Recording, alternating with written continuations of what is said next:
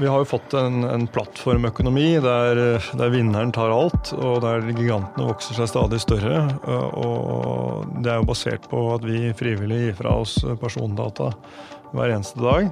Eh, mer eller mindre ubevisst, tror jeg.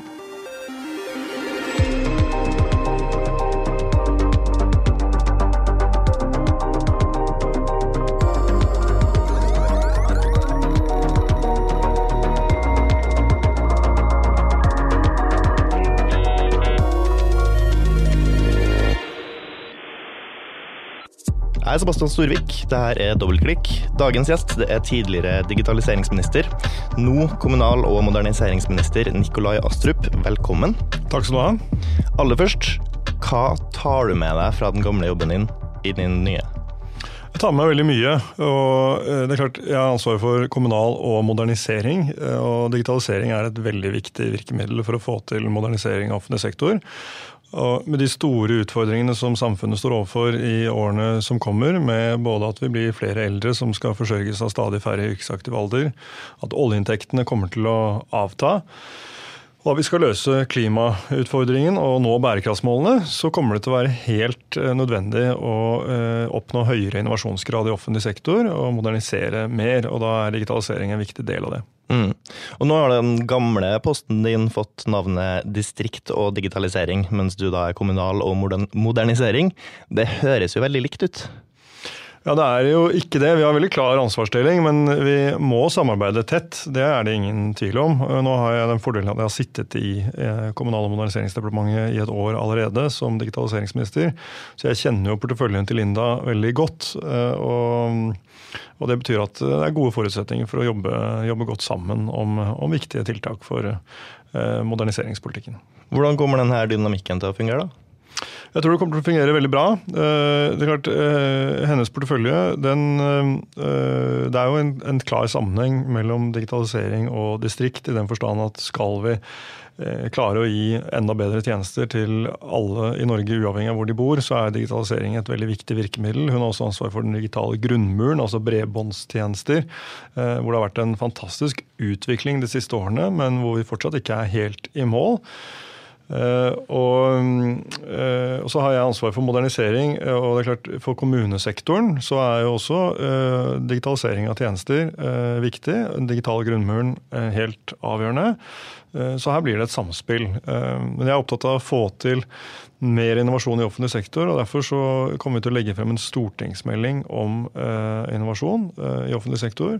Eh, hvor vi skal se på hvordan vi kan eh, bidra til at innovasjon blir den nye normalen. Vi vet jo at vi har mange virkemidler på plass allerede. Vi har innovative anskaffelser, vi har leverandørutviklingsprogram.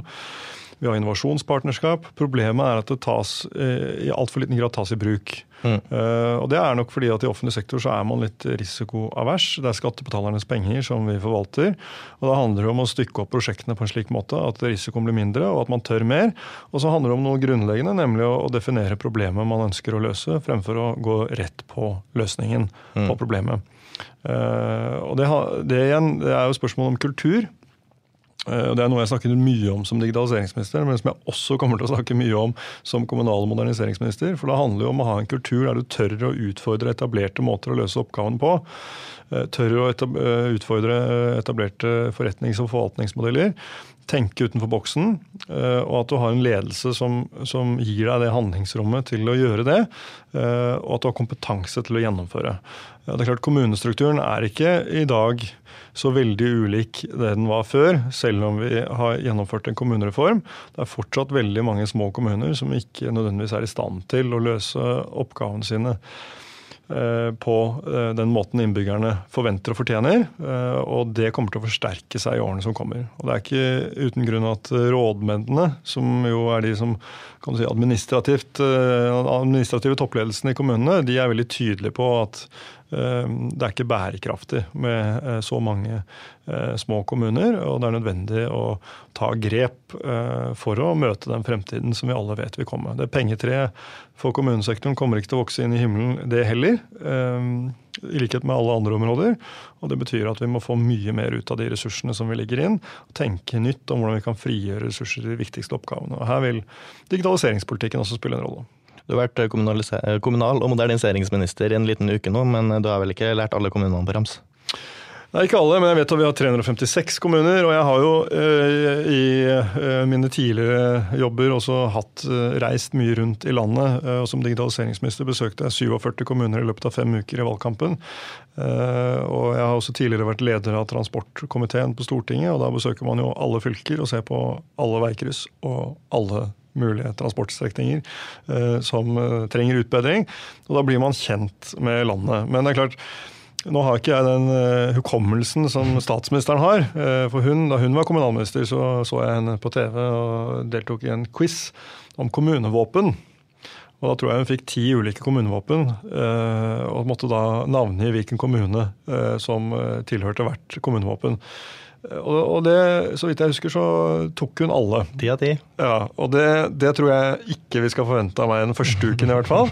men, men, kanskje etter hvert så kommer det seg. Men da tror jeg nok vi trenger en mer omfattende kommunereform hvis vi skal klare alle eh, kommunene i, i Norge. Hvordan skal dere digitalisere offentlig sektor? Du, vi, la frem en, eh, en, ny digitaliseringsstrategi for offentlig sektor i juni i fjor. Eh, og Den er veldig ambisiøs. Eh, målet er at vi skal ha én digital offentlig sektor i betydningen av sømløse og sammenhengende tjenester på tvers av forvaltningsnivåene. Og Hva betyr det egentlig? Jo, Det betyr at folk bryr seg jo ikke om om det er stat eller kommune som leverer en tjeneste. De bryr seg om at de får den tjenesten de trenger, når de trenger den, og at den holder god kvalitet.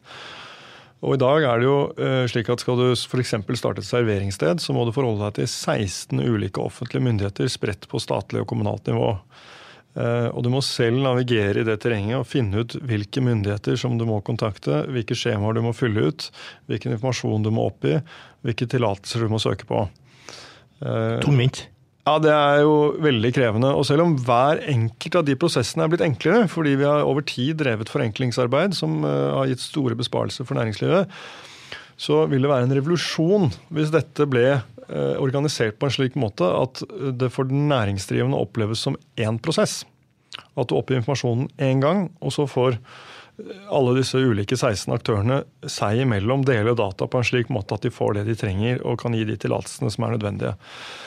Og så tror jeg En annen livshendelse som vi har identifisert i denne strategien, er jo eh, det å få barn. Og det er jo mange som tenker at eh, det er en livshendelse som det i utgangspunktet bare er to mennesker som er involvert i.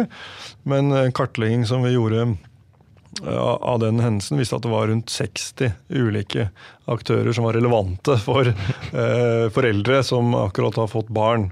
Eh, og det de har til felles, er at det er jo eh, helt separate prosesser. Du må søke om foreldrepermisjon, du må søke om barnehageplass, om skoleplass om plass på aktivitetsskolen. Og noen av disse tjenestene burde jo vært proaktive. I mm. betydningen at du, dette er noe du har krav på.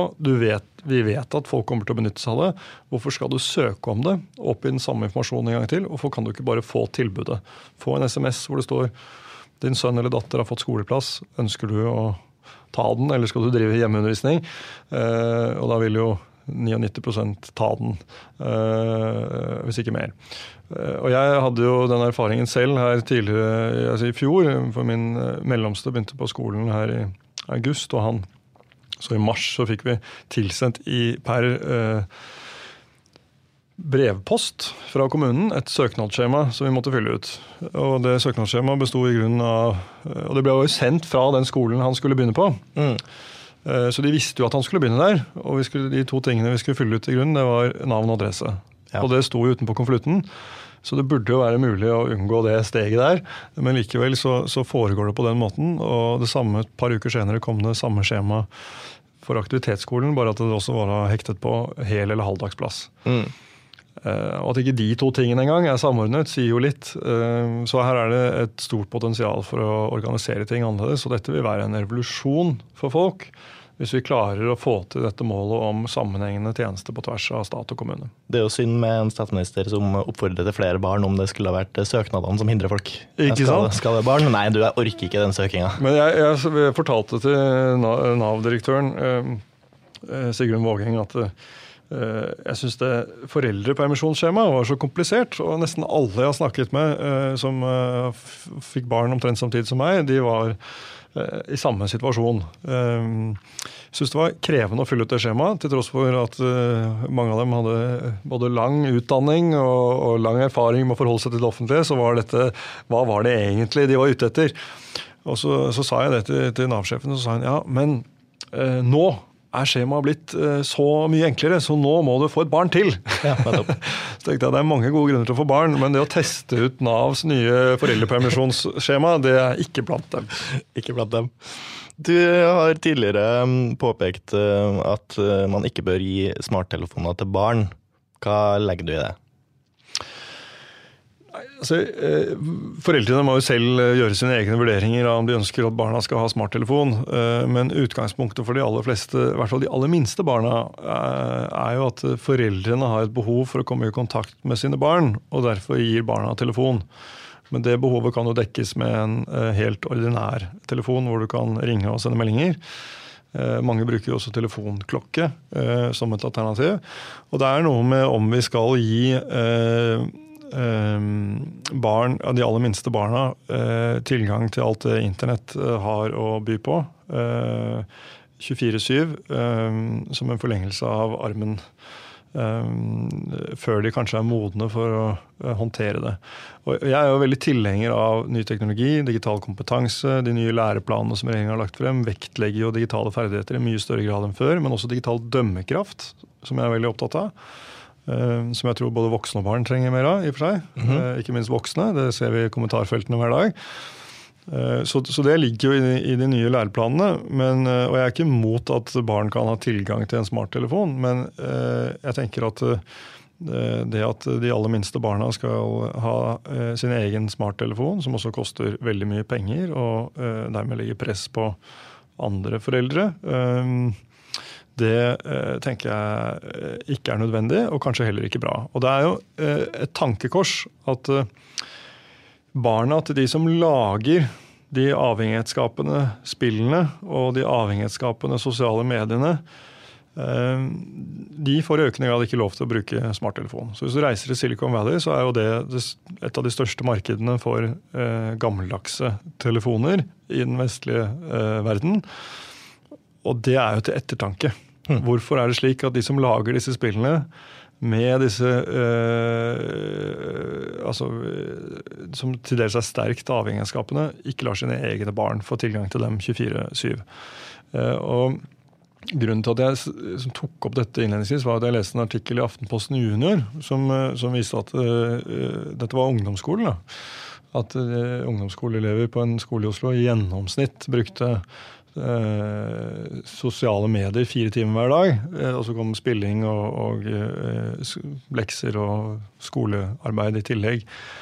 Tid på lekser og skolearbeid ikke nødvendigvis var på topp der. Nei, ikke sant. Og, og vi ser jo nå på, på leseferdighetene at um, det er veldig få altså Det er stadig færre som leser mer enn det de er pålagt å lese. Um, og det gjør jo noe med leseferdighetene. Um, og det tenker jeg at er noe som uh, også antagelig henger sammen med at uh, vi tilbringer stadig mer tid på telefonene våre. Uh, og, og, det gjelder jo voksne også. det er jo ikke sånn at voksne er noen gode forbilder her. Tvert om.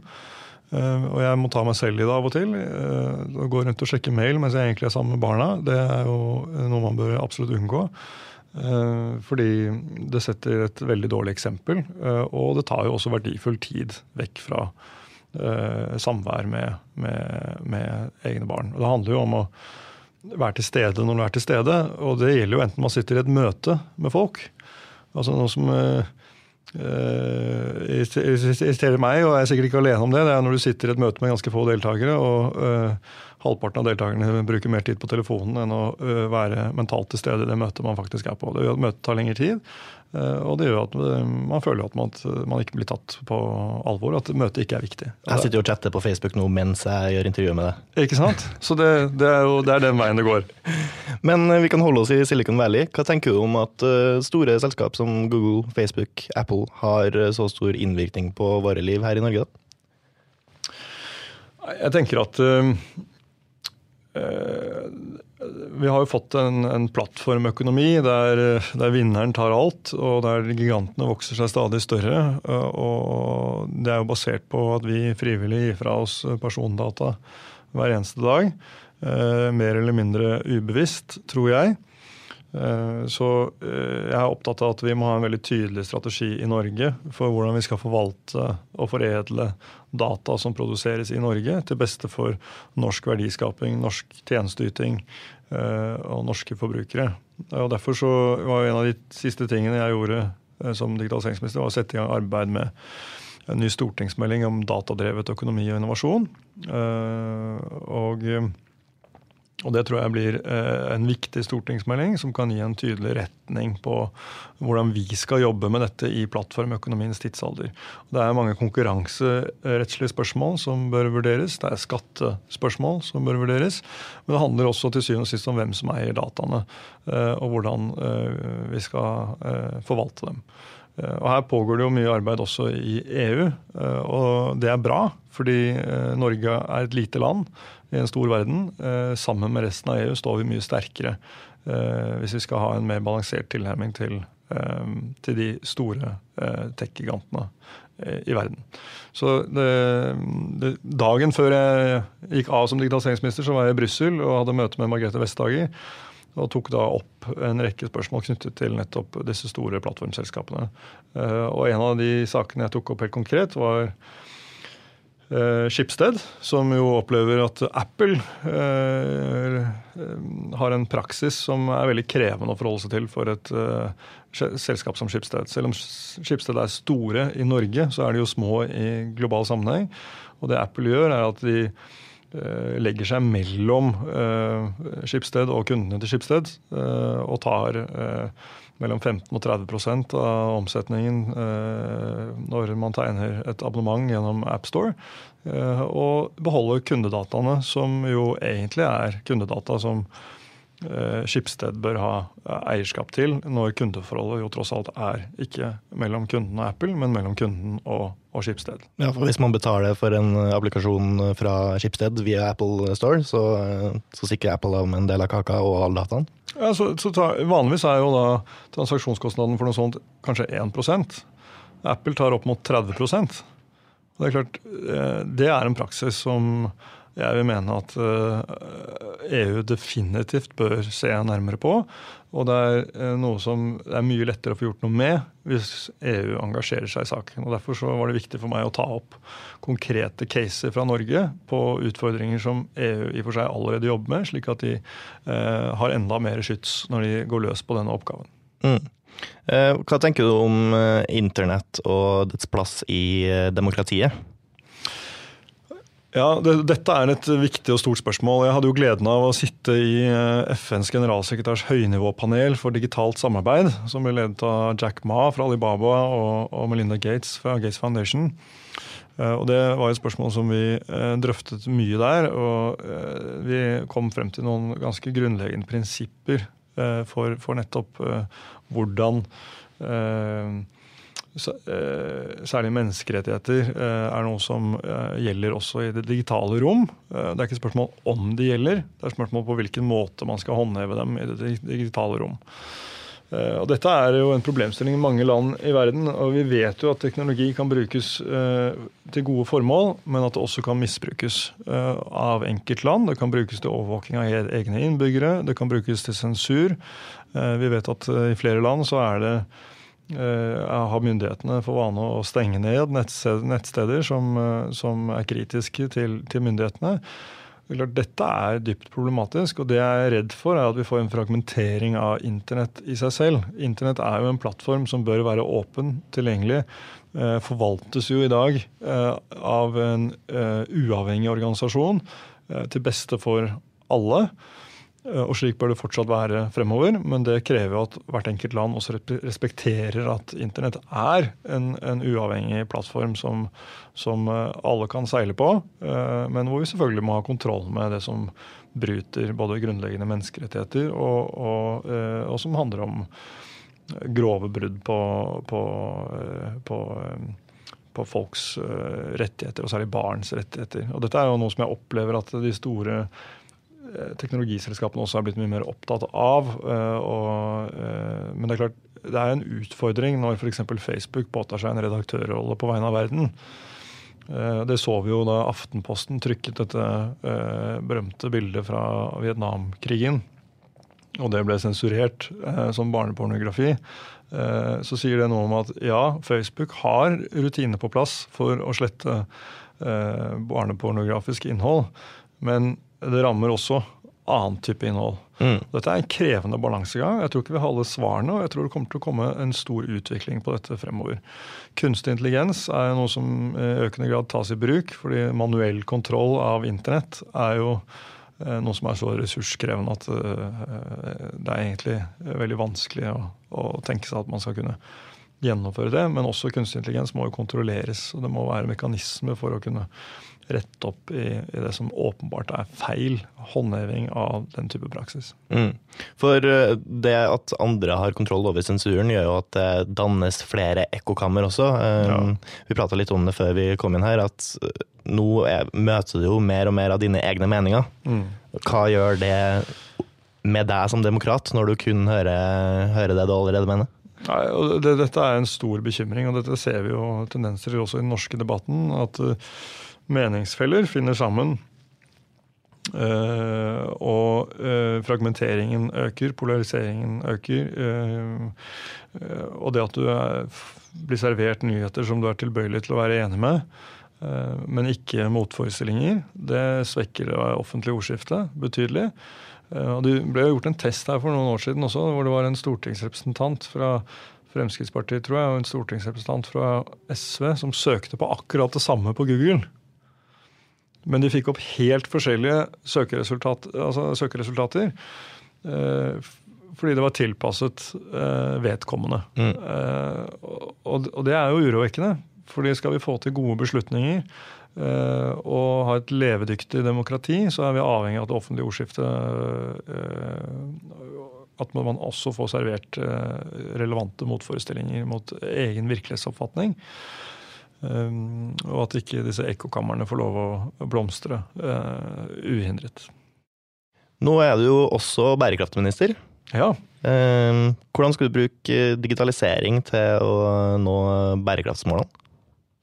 Vel, jeg tror um, For det første så er det veldig relevant å få den bærekraftsporteføljen inn som kommunal- og moderniseringsminister. fordi vi, Regjeringen kan ikke nå bærekraftsmålene alene. Dette er jo noe som vi må spille på lag med kommunene, med næringslivet og med frivillige organisasjoner for å få til.